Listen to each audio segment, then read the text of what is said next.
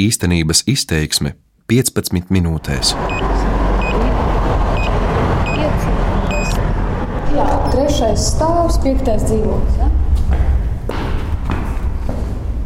Kāpju uz trešo stāvu pārdaugavas daudzstāvu namā un pie sevis skaitu daudzos pakāpienus līdz vienā no dzīvokļiem durvīs satieku Aleksandru ratiņkrēslā. Viņš dzīvo senā ēkā, kāpņu telpa bez lifta un pacēlāja šeit nav.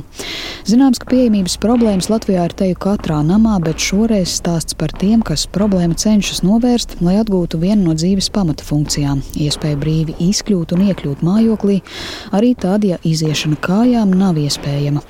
Taču bez valsts vai pašvaldības atbalsta tehnikas iegādē cilvēkam vēl jācenšas iegūt sabiedrības atbalstu, piemēram, savācot kaimiņu parakstus par pacēlāju vai stāvvietas ierīkošanu, ko cilvēki lielākoties gluži vienkārši atsaka. Mans vārds ir Sintīna Ambote, un plašāk par tematu dzirdēsiet raidījumā īstenības izteiksme. Labdien! Jā, čīrdus. Pirms sarunas Aleksandrs mani brīdina, ka brīžiem iespējami runas traucējumi. Vīrietim šobrīd ir 42 gadi, taču viņš sasirdzis pirms desmit gadiem, pakāpeniski attīstījušies kustības traucējumi, bet tieši pēdējā gada laikā viņš pilnībā zaudējis spēju staigāt. Diagnoze ir, saprotu, multiplā. Jā, multiplā skleroze.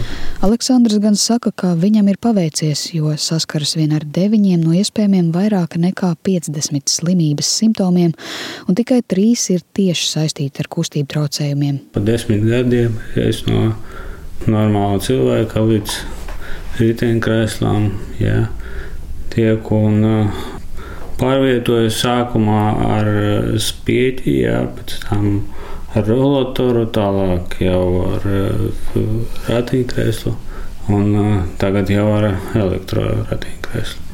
Vīrietim joprojām ir darbs reklāmas nozarē, un viņš nevēlas to zaudēt. Taču, lai tas nenotiktu, vajag iespēju izkļūt no mājas.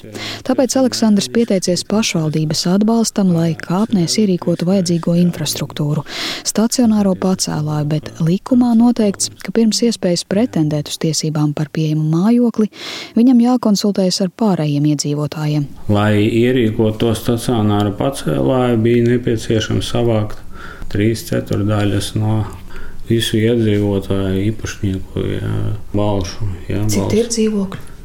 Tie kopā 30 dzīvokļi. Jā, bet kā izrādās, dažiem dzīvokļiem vai īrnieki dzīvo, vai dzīvo viens no diviem saimniekiem, vai neviens nedzīvo, vai reti īpašnieki parādās. Un tāpēc tas, tas trīs ceturdaļas līmenis nesasniedzams gandrīz. Kad tas viss notiek brīdī, kad cilvēks jau, nevar pārvietoties, jā, viņam jau jāapstaigā visi, visi kaimiņi, visi, visi iedzīvotāji. Jāuzrunā viņus, jā, jāskaidrojas, kāda būs iekārta un kā izskatīsies un viss kaut kāds.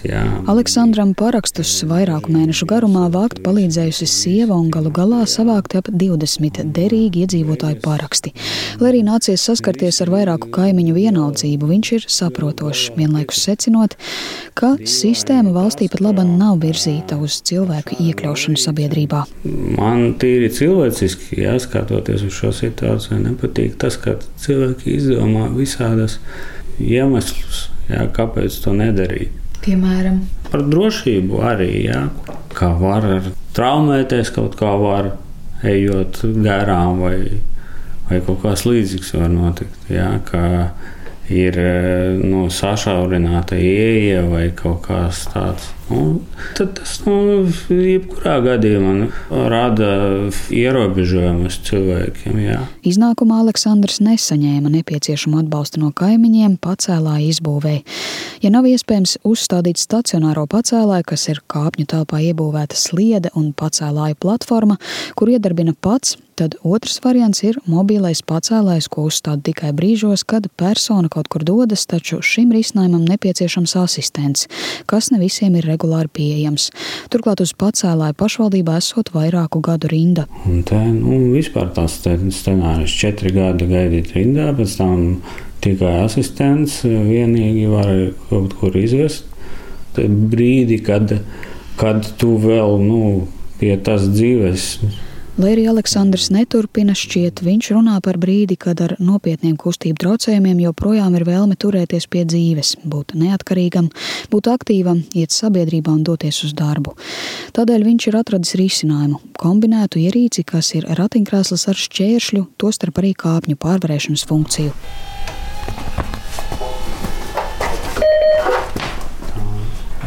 mainās leņķis tam sēdeklim. Ierīce izmaksāja 9000 eiro. Arī šis risinājums nenāca viegli, jo Aleksandram nācās atdurties pret to, ka tieši šādu krēslu ar valsts vai pašvaldības līdzfinansējumu iegādāt nevar, tāpēc ģimene lūdza palīdzību ziedot LV un naudu savāca. Šajā jomā pat laban ir divu veidu atbalsti pašvaldības atbalsts infrastruktūrai, lai cilvēks varētu iekļūt ēkā, un valsts atbalsts mobilitātes ierīcēm, kā ratiņkrēslam, kuru var arī izvēlēties no valstī jau iepirktajiem. Taču, ja gluži kā Aleksandra gadījumā persona izvēlas multifunkcionālu risinājumu, kas apvieno iekļūšanu ēkā un pārvietošanos pa ielām, tad valsts un vietvaras finansējuma grozus vajadzīgā krēsla iegādēji apvienot nevar un nākas vākt ziedojumus. Te situāciju vairāk iezīmē apvienības apērons vadītājs vadītājs Ivars Balodis. Tā iepirkuma sistēma, kas līdz šim ir bijusi tehnisko palīdzību līdzekļu jomā, mēs nopērkam kaut kādu zināmu daudzumu kaut kā un mēģinām to arī tiem cilvēkiem tad, uh, iedot. Uh, tad, nu, vai tev īsti der vai neder, bet nu, ratiņkrēsls ir, nu, gan jau ka tev būs labi, viss būs kārtībā. Un, un tas, ko mēs cenšamies, kā nevalstiskās organizācijas, mēs cenšamies, lai valsts nosaka kaut kādu konkrētu naudas summu. Nu, piemēram, ir kaut kāds elektronisks vouchers vai, vai kaut kas tamlīdzīgs, kur nu, tā summa varētu būt piemēram 2,5 vai 3 tūkstoši 1000 eiro. Tas atkal skatoties, kāda tā bāzes summa veidojās, un droši vien, ka ir jābūt kādiem aprēķiniem.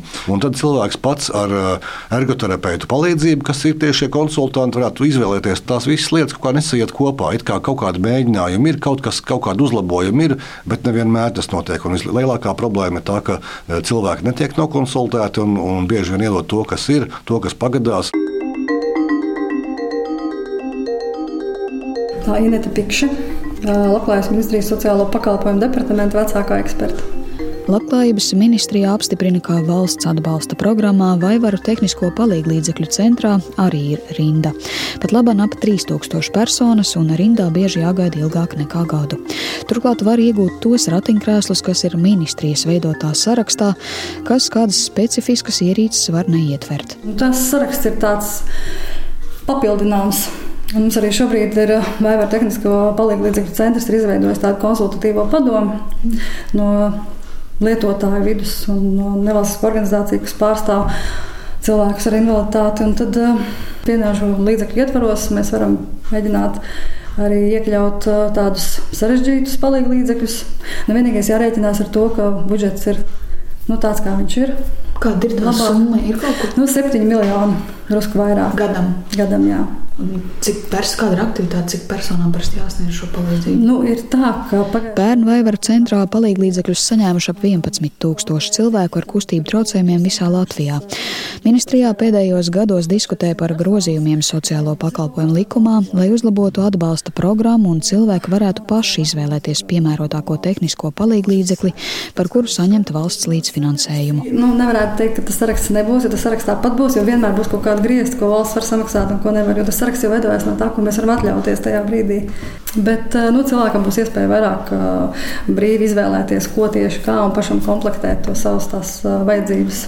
Tāda ir tā doma uz, uz nākotni. Bet tur ir vesela virkne sagatavošanās darbu, kas ir jāveic. Jau mums šobrīd mēs varam, tas ir tas pats līdzīgs kompensācijas mehānismam. Viņš var aiziet nopirkt to pašu, kas ir sarakstā, bet eh, kompensācijas mehānismā ir iepriekšējā gada iepirkuma cena. Ja vairs nav iepirkuma, piemēram, ja visi cilvēki var izvēlēties pēc kompensācijas mehānismu, ko viņš vēlās, tad uh, ir jābūt kaut kādam analogam, kā nosaka cenu. Un tad tur ir vairāki šobrīd, nākamā gadā mēs esam plānojuši vairākus tādus pilotu projektus lai varētu saprast, kā veidojās tas, ko mēs esam izdomājuši, kā varētu noteikt to cenu. Bet vai tas būs pozitīvs vai, vai negatīvs rezultāts, to mēs vēl nezinām. Savukārt, atgriežoties pie infrastruktūras, piemēram, Rīgā kopumā 17 gadu laikā ir uzstādīti un privātpersonām lietošanā nodoti ap 200 stacionārie un mobīlie pacēlāji.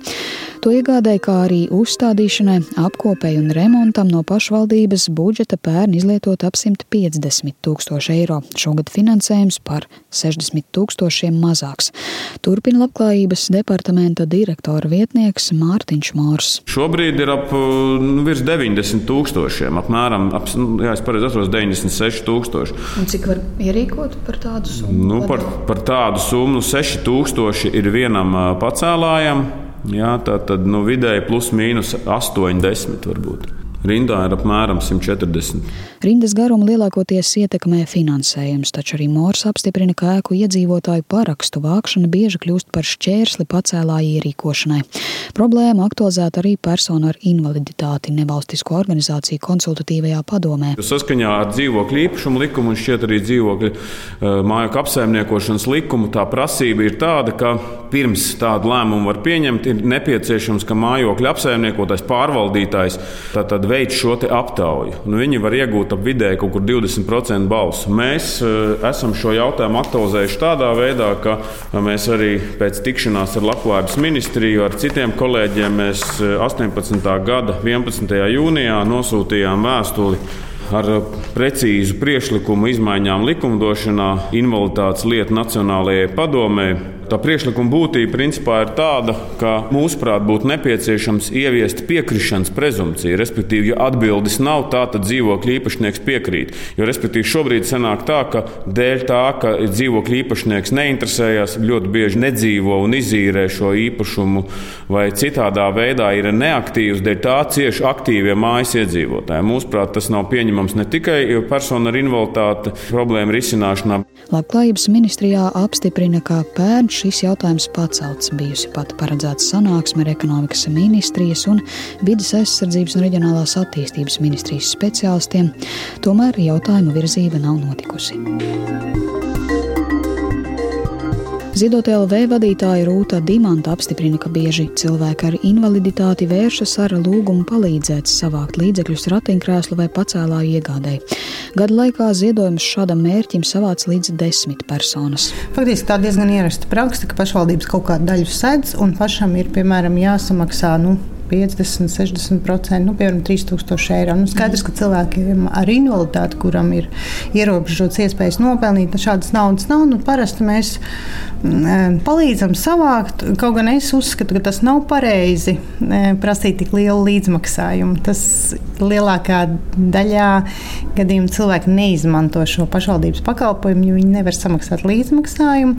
Un pie labdarības organizācijām jau vēršās tādi cilvēki, kurus saņemās drosmi un aiziet. Tas jau nav tik viegli.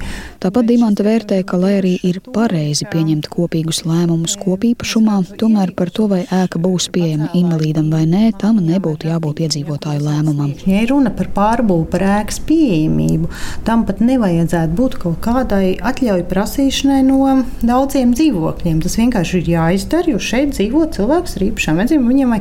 Jo kas tad slikts notiek, ja ēka tiek pielāgota ērtākai piekļūšanai.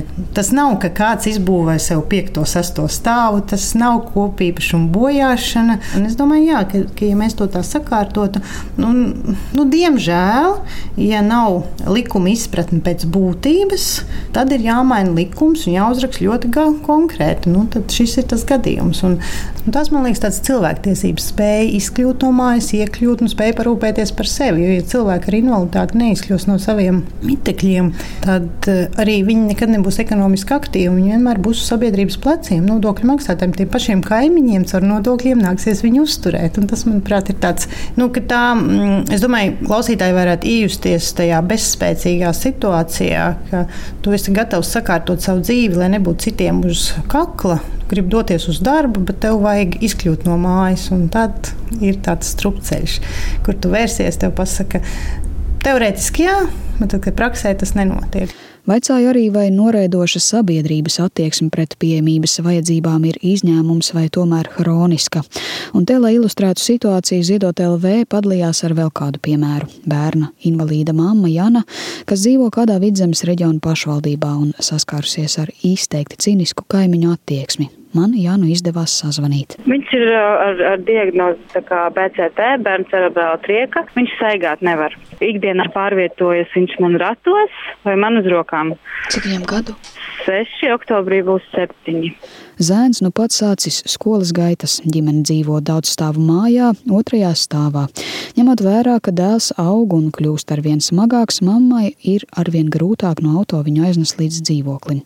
Tādēļ mamma lūgusi kaimiņiem, lai atstāja vienu brīvu stāvvietu pie durvīm, taču lūgums ignorēts. Pat cik pagasta dzīvoklis, tad uh, gāju uz pagastu palūgt, vai var uzrīkot man stāvvietas zīmi, pat cik man tā zīmīte ir, tā stāvvietas kartīte tad nebūtu ne man jāprasa tā vietiņa, ne arī speciāli jāatstāj vienkārši tā aizstāvvieta, un man būtu kur atstāt. Mēs aizbraucām uz uh, rehabilitāciju, un tad man zvanīja no pagasta priekšsēdētājs un stāstīja situāciju, kas tur notiek, jo viņi tā kā bija aizbraukuši uzstādīt zīmi. Tur bija sacēlies liels skandāls, jo iedzīvotāji to tā kā neatbalsta.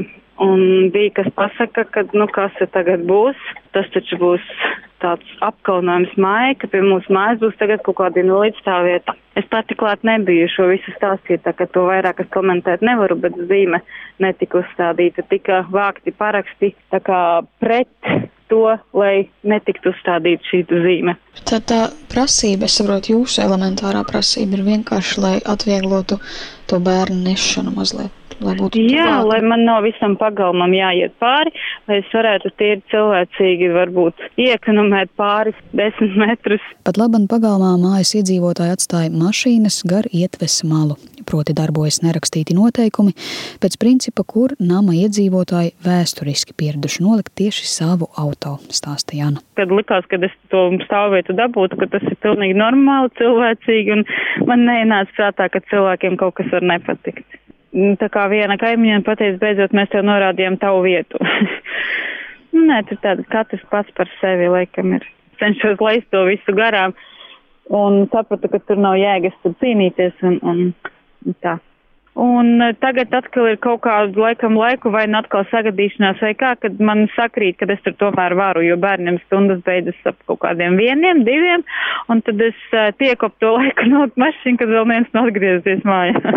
tad jums jālavās tur kaut kā jālavierē. Nu, tā jā? sanāk, jā, tā sanāk. Nu, tas, tas nav godīgi. Kā jūs ar cilvēks ar pieredzi secināt, tas ir tikai gadījums vai tomēr tas ir uh, kopumā valstī tā ir vienmēr bijis, ka mēs neesam atvērti, ka mēs neesam līdzjūtīgi, ka mēs. Es, man ir pieredze ar um, cilvēkiem, kas ir izpalīdzīgi, kad satiek, viņi ir gatavi palīdzēt, neprasot un ir tiešām atvērti un tādi, bet uh, ļoti liela daļa ir tie, kas. Uh, manuprāt, uzskata un ir pat frāzes tādas pateikuši, ka nu, tādiem cilvēkiem nav te vietas, ka viņi ir liekēži un viņiem te nav jābūt. Un tīpaši pret bērniem ir ļoti, ļoti tāda naidīga attieksme. Mēs, ja kādam nepatīkam, tā nav mūsu problēma, tā ir viņu problēma. Varbūt tas nav pareizi, bet uh, savādāk nesanāk. Savādāk nesanāk, es jau būtu sen sabrukusi. Savukārt Aleksandrs saka, ja viņam būtu iespēja izvēlēties un atteikties no viena slimības simptoma, viņš izvēlētos tieši vienu no neredzamajiem, proti, nogurumu. Viņa situācijā tas patiesībā ir kas daudz vairāk nekā vienkārši nogurums, jo caur sāpēm un ierobežojumiem tas stipri traucē cīnīties, tāpēc viņa prāt ir būtiski maksimāli sakārtot vides pieejamības jautājumus, lai uzlabotu iespēju cīnīties par aktīvu dzīvi. Nav iespējas cilvēkam, kas eh, pēkšņi kļūst kļuva par invalīdu, vai, nu, piemēram, avārija, vai cilvēks, kam ir progresējuša slimība un strādājošiem, jā, viņiem nav iespējas dabūt ātri to palīdzību, lai viņi paliktu sabiedrība. Ļoti daudz sarunas notiek visādās komisijās vai arī intervijās. Jā, par, par to, ka jāatgriež invalīdus, jā, jānodarbina kaut kā, jā, un, un tas sarunas principā neko īpaši nemaina. Te es uzskatu, ka te ir nepieciešamība par šo daļu, jā, cilvēku kaut kā cīnīties, lai, lai viņam ir iespēja palikt, lai, lai nebūtu pēc tam jāatgriež. Pietrūkst vie, dzīves vieglumu. Raidījumu veidoja Sintīja Ambote par labskaņu rūpējās Renārs Šteimanis. Īstenības izteiksme 15 minūtēs.